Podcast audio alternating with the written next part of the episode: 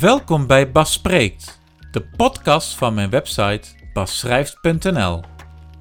In deze aflevering mijn verhaal, getiteld Van de kaart geveegd.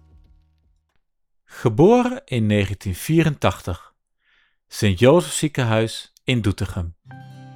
Ik ben geboren en opgegroeid in een liefdevol gezin en ik was altijd een vrolijk, enthousiast en ondernemend persoon. Ik stond overal positief in en een rothumeur kende ik niet. Ik kon met iedereen goed opschieten. Vroeger had ik veel vrienden en vriendinnen en sprak daar elke week en in de weekenden mee af. Een dag of heel weekend niets gedaan voelde voor mij als niet compleet. Ik was daarnaast ook erg gevoelig en sommige kinderen maakten daar misbruik van. Je kunt het misschien al wel raden. Hoe ouder we werden, hoe meer we gingen puberen, hoe meer vat ze op me kregen als het om iemand verdrietig maken gaat. Vanaf de middelbare school begonnen de problemen. De pesterijen begonnen toe te nemen en ik moest steeds meer klappen opvangen. Elke dag als ik naar school ging werd ik bang, want het pesten begon zich ook te uiten in lichamelijk geweld. Uiteindelijk raakte ik depressief en hebben mijn ouders me van die school afgehaald. Toen ik een jaar of veertien was, ging ik elke zaterdagavond naar een jeugdhonk in het dorp waar ik toen woonde. Daarnaast was ik ook erg actief binnen de kerk en ging elke week naar catechisatie. Ik kreeg daar met veel leeftijdsgenoten te maken en de activiteiten die we daar deden waren leerzaam en leuk. In mijn eigen gedachten ging ik er altijd van uit dat mijn leeftijdsgenoten me ook maar raar vonden en zo gedroeg ik me ook. Ik stelde me zenuwachtig en onzeker op, en zonder dat ik het in de gaten had, duwde ik jongeren van me weg. Ik sloot me volledig af voor de buitenwereld. Mensen die probeerden bij me te komen, kon ik op een wat lompe manier wegsturen.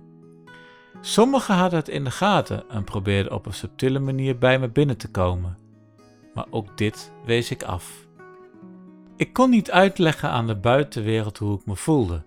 Het ging zo snel dat ik me voor alles en iedereen geblokkeerd had. We hadden veel leuke dagjes uit en gingen een weekend met de kerk naar Oost-Duitsland, waar we bij gastgezinnen bleven slapen. Ik wilde ondanks alles toch mee. Je kunt je voorstellen dat we daar veel dingen in teamverband deden, maar ik durfde niet mee te doen. Toch heb ik het wel gedaan. Mijn faalangst was enorm en dat waar je bang voor bent gebeurt. Tijdens een potje voetbal of korfbal sla je dicht en reageren de jongeren om me heen. Wat is er? Waar zit je met je gedachten? Ik merkte dat ze wat kriebelig begonnen te reageren. Sommige volwassenen merken het, maar vooral de jongeren niet. Ik was een topper in het weten weg te stoppen van wat er in me omging. Ik praatte er niet over. Wel heb ik er thuis wel eens over gepraat, en daar brak ik soms wel. Ook daar wisten ze toen nog langer niet alles. Wel wat er is gebeurd, maar hoe ik me voel en wat ik van mezelf vind, dit kwam later te sprake. Er waren genoeg avonden en nachten dat ik lag te huilen in bed, in de hoop dat niemand me zou horen. Dit was voor mij de veiligste omgeving om me een beetje te kunnen ontladen. We hadden met het jeugdhonk een gezellige afsluiting van het seizoen en daar werd bij gedanst ik kan me nog herinneren dat iedereen meedanste. Maar ik bleef als enige zitten. Ik werd meerdere keren door diverse mensen de dansruimte opgetrokken en ben ook meteen weer gaan zitten. Ik kon toch niet dansen, dan zette ik me toch alleen maar voor schut. Dit is één van de voorbeelden waar ik na de tijd heel veel spijt van had. Ik besef me ook dat ik heel veel vriendschappen heb voorkomen door mijn gedrag. Toen ik naar de nieuwe school ben gegaan, waar ik op advies van de huisarts me heb aangemeld, is enorm veel voor me veranderd, in positieve zin.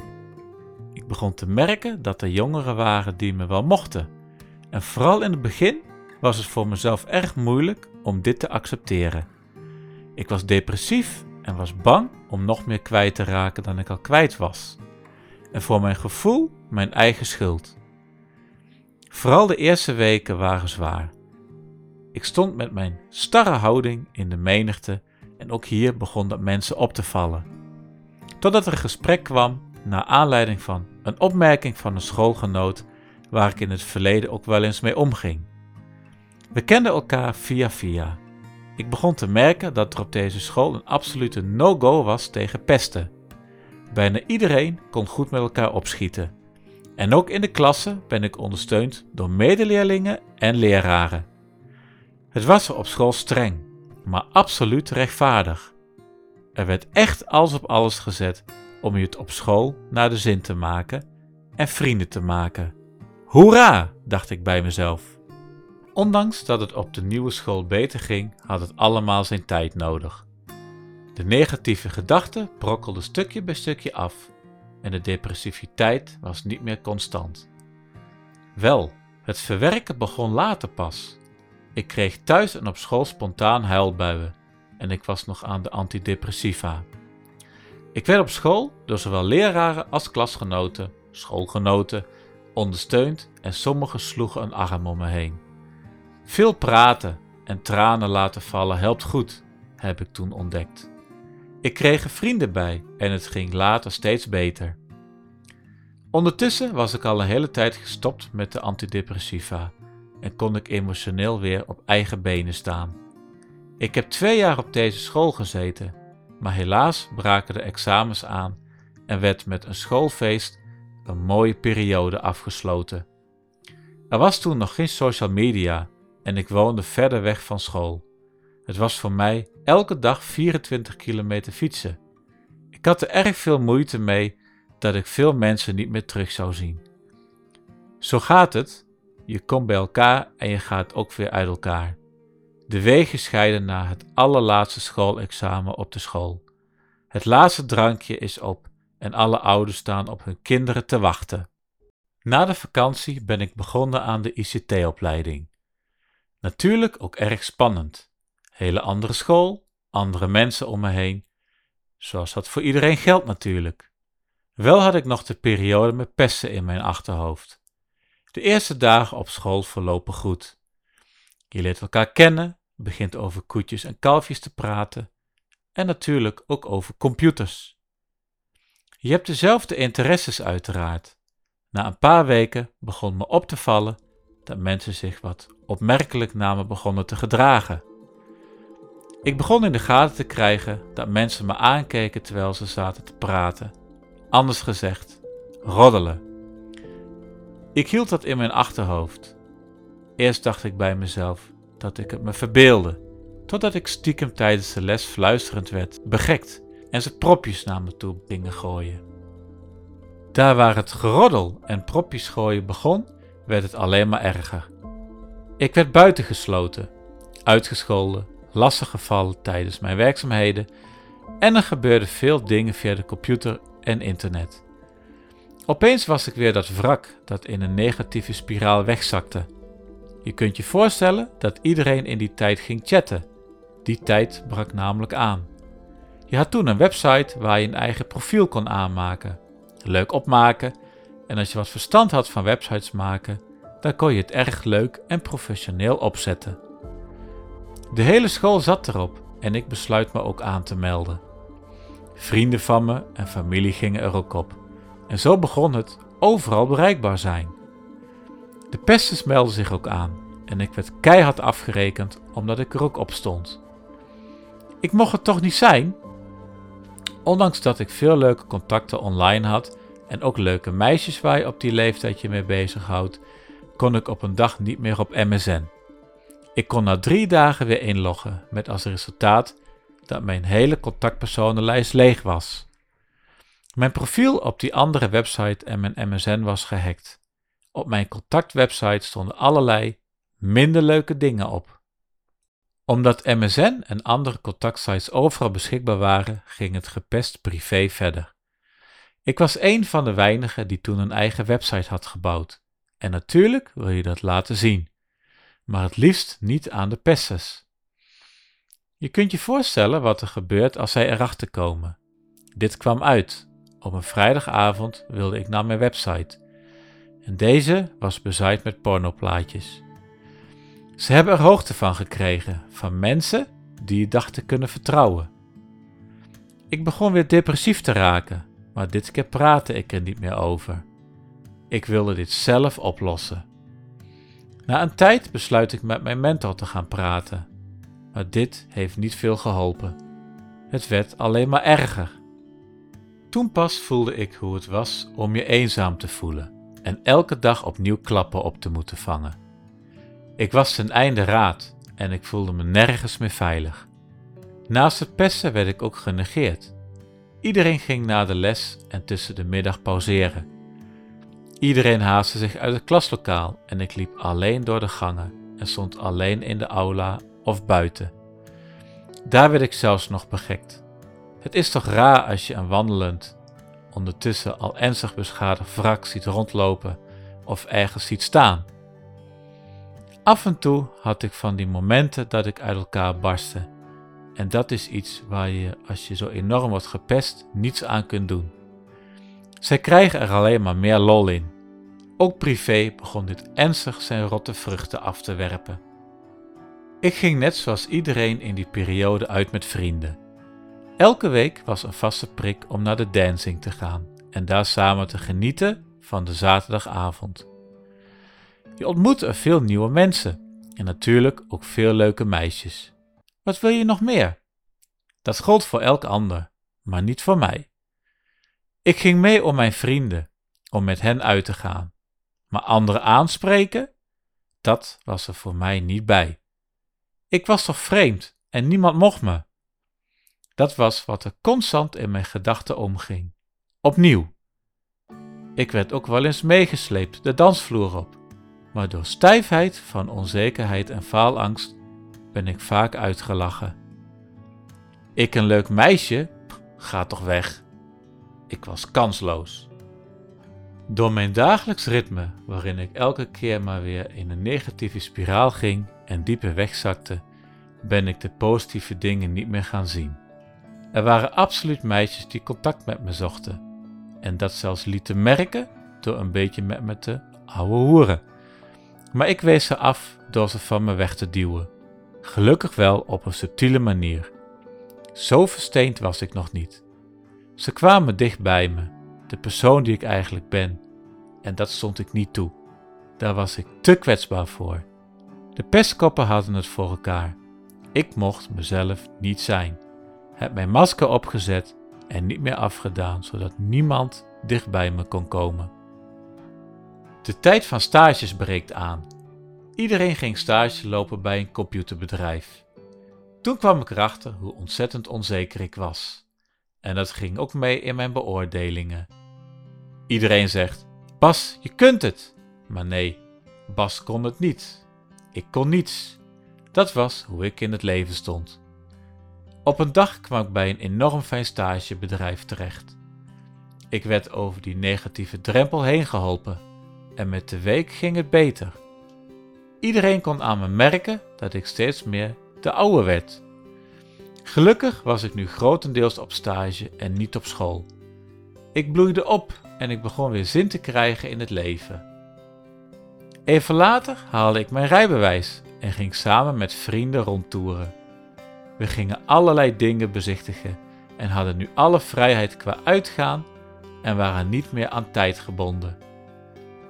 Positiviteit genas me, stapje voor stapje. Vooral het gevoel dat je het wel kunt en er wel mensen zijn die je mogen. Een goede toekomst was toch voor me weggelegd. En die school?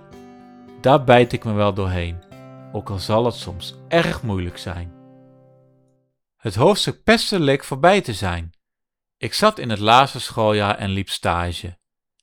Op een dag werd ik ontzettend duizelig en kreeg later het gevoel dat ik elke keer even van de wereld was. Ik was al op mijn stageplek en de klachten werden alleen maar erger. Het enige wat ik me later kon herinneren was dat ik in de ambulance lag en naar het ziekenhuis werd gebracht. Allerlei toeters en bellen om me heen en ambulancepersoneel dat me begon te ondervragen. Is dit een droom of werkelijkheid? Dat was het eerste wat er in me omging. Aangekomen in het ziekenhuis besefte ik dat het ernstig was. Je hoort om je heen dat ze vermoeden dat het iets met mijn hart is, of dat er iets in mijn hoofd niet goed is. Je ligt aan de monitor, die schijnt op hol te zijn geslagen. En ze sluit een andere monitor aan. Mijn ouders werden inmiddels opgetrommeld en zij stonden bij me aan bed, geschrokken en bang. Ik verloor mijn bewustzijn opnieuw en het personeel werd met spoed opgetrommeld. De hartmonitor had het achteraf toch goed. Ik kreeg meerdere zware aanvallen, lijkend op epilepsie. Kantje boord, zeiden ze even later. Nadat ik weer was gestabiliseerd, begonnen de onderzoeken. Ik heb een tijd in het ziekenhuis gelegen en daar was de uitslag. Alle onderzoeken gaven de uitslag epilepsie. Hoe nu verder? Hoe gaat mijn leven er nu uitzien? Word ik een kastplantje? Moet ik voortaan met zo'n helm oplopen? De gedachte alleen al. Vreselijk! Ik kreeg te horen dat het traumatische epilepsie is. Epileptische aanvallen als gevolg van trauma. Ze hebben het voor elkaar. Vanaf het moment dat ik was ontslagen uit het ziekenhuis heb ik medicijnen gekregen die ik meerdere keren per dag moest slikken, namelijk depakine. Deze medicijnen zorgen ervoor dat ik behoorlijk dik werd en ontzettend sloom. Ik kreeg enorme eetlust, waardoor ik op een avond gerust drie grote zakken chips naar binnen werkte. Ik mocht voor een lange tijd geen auto rijden, bijna twee jaar, en veel van mijn vrienden raakte ik kwijt. Ik kon niets meer omdat mijn lichaam op was, maar ook door de dosering van de medicatie. Sinds die tijd tot aan nu ben ik onder invloed van medicatie. Gelukkig gaat het de laatste jaren stukken beter omdat ik medicatie heb waar ik nu goed op reageer. Ik heb voordat ik ziek werd belijdenis gedaan voor de kerk waar ik toen bij zat. Het geloof was in mijn jeugd en iets oudere leeftijd een belangrijk ding, totdat ik al deze ellende over me heen kreeg. Want zeg nou zelf, waarin moet je geloven? Dankbaar zijn omdat je alles kwijt bent geraakt? Ik ben tegen alles wat met geloof en kerk te maken had tegen aan gaan schoppen. In emotie en gedachten uit boosheid.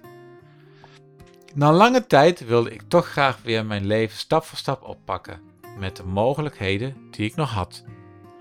Via allerlei hulpverleners ben ik bij een dagbesteding terechtgekomen, waar ik toen computercursussen mocht gaan geven en in het repaircafé werkte. Daarnaast werd samen met me gekeken of ik een opleiding met extra begeleiding kon gaan doen. Na een paar jaartjes dagbesteding heb ik de stap richting werk weer genomen. Ik ben met een opleiding begonnen, het vervolg van de eerdere opleiding waar ik mee bezig was. Tijdens deze opleiding kwamen de aanvallen tijdelijk weer terug. Maar dit had ook met privéomstandigheden te maken. Toch slaagde ik voor deze opleiding. Na afloop van de opleiding kwam ik erachter dat er foto's van me op internet verschenen met smerige teksten. Er zijn nepprofielen van me aangemaakt, waarbij ik me zou voordoen als een aanbieder van gay. Ik heb tot tweemaal aangifte gedaan bij de politie, deze laten weten dat ze er geen prioriteit aan geven of het niet kunnen verwijderen. Ik heb dus jarenlang met deze foto's op internet gestaan. Dit ging zo ver dat men echt probeerde om mijn leven opnieuw kapot te maken. Als je denkt het echt te hebben gehad, word je opnieuw geconfronteerd met: ik mag niet bestaan. En in dit geval kun je je niet verweren, want je kunt niet zwart op wit zetten wie dit heeft, hebben gedaan. Tuurlijk had ik wel 99% het vermoeden dat het om een drietal personen ging die dit hebben gedaan. In de opvolgende jaren was ik tot 2011 niet geheel stabiel. Ik kreeg soms nog wat aanvallen en heb in het ziekenhuis gelegen. Daarnaast raakte ik meerdere keren depressief. Dit uitte zich in verdriet dat ik niet kon uiten, maar ook woede je zit in een kooi waar je denkt veilig te zitten, maar uiteindelijk zet je jezelf zo enorm in de blokkeerstand dat je voor altijd een masker wil opzetten. Niemand mag bij mijn gevoel komen en ik zal ook zeker niets daarvan laten merken naar de buitenwereld. Ik mag vooral geen tranen laten zien en me vooral niet kwetsbaar opstellen. Door alles wat er is gebeurd heb ik een stempel gekregen. Want ik kan niet meer in de reguliere wereld werken en kan niet dat doen wat een normaal iemand wel kan. Ik moest eraan wennen om misschien wel altijd afhankelijk te zijn van de instanties. En wat je soms naar je toe gegooid krijgt. Je moet maar niet met een normaal iemand gaan daten, want vergeet niet dat je een afstand tot de arbeidsmarkt, dus de maatschappij hebt, omdat ik volgens hun een handicap of een beperking heb. Een minderwaardigheidscomplex en faalangst. Ongekend hoog. Elke keer gaan de gedachten weer door me heen dat ik het niet kan of dat ik stom ben. Ik ben een loser. Als ik tussen mensen loop, dan denk ik dat niemand me mag en me uitlachen of naschreeuwen. Hetzelfde als wat vroeger ook gebeurd is op school. Ik voel me net zo'n monster. Mensen om me heen zeggen dat het niet waar is. Maar weet je hoe moeilijk het is om dat te geloven? Veel mensen om me heen hebben een relatie. Je ziet hoe gelukkig ze zijn.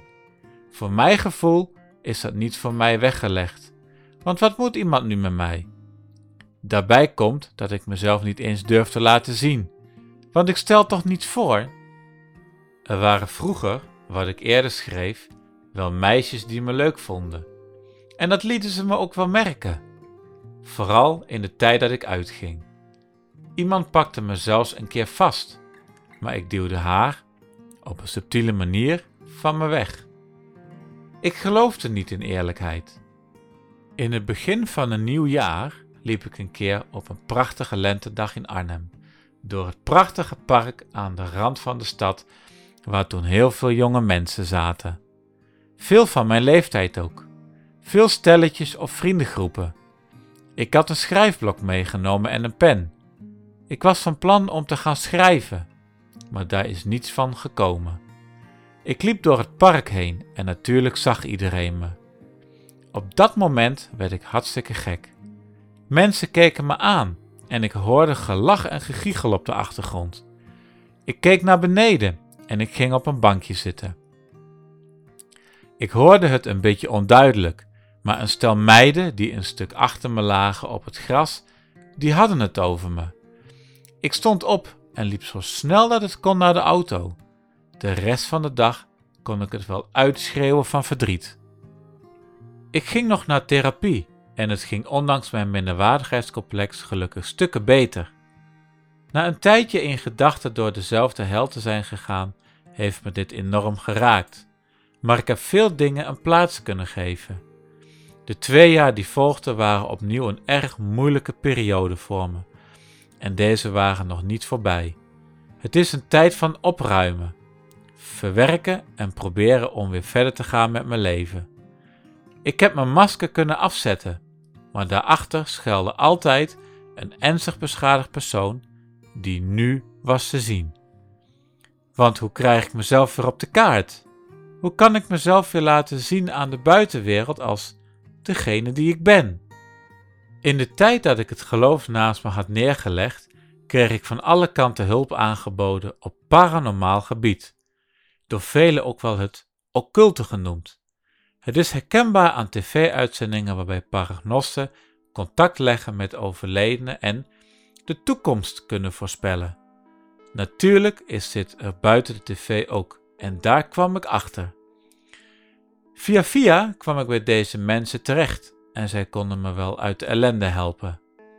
Behandeling hier, behandeling daar en uiteindelijk begon ik me na vele behandelingen en gesprekken erg thuis te voelen in deze paranormale en occulte wereld. Ik ging me er meer in verdiepen en binnen de kortste keren deed ik zelf ook aan kaarten leggen, zogenoemd automatisch tekenen en automatisch schrijven. Wist ik veel wat ik allemaal op me afhaalde? Ik ging naar bijeenkomsten en iedereen schatte me hoog paranormaal begaafd in. Ik werd gezegend door alle overledenen om me heen. Paranormaalbeurzen hoorden ook tot mijn bezoekjes en ook zij riepen me vanaf de kraam waar ze achter stonden. Ik moest flink de portemonnee trekken en dan zouden ze me nog verder helpen met de problemen waar ik mee zat. Tijdens deze bijeenkomsten en beurzen werd meerdere malen aangeraden dat ik zelf ook een praktijk moest beginnen. Dat leek me wel wat. Alleen kwam ik er later steeds meer achter dat ik van een koude kermis thuis kwam. Sommige dingen kwamen uit, maar sommige ook niet. Ondertussen stond mijn huis vol met boeddha's en andere paranormaal getinte spullen. De vrouwelijke psycholoog waar ik kwam voor mijn therapie was christelijk.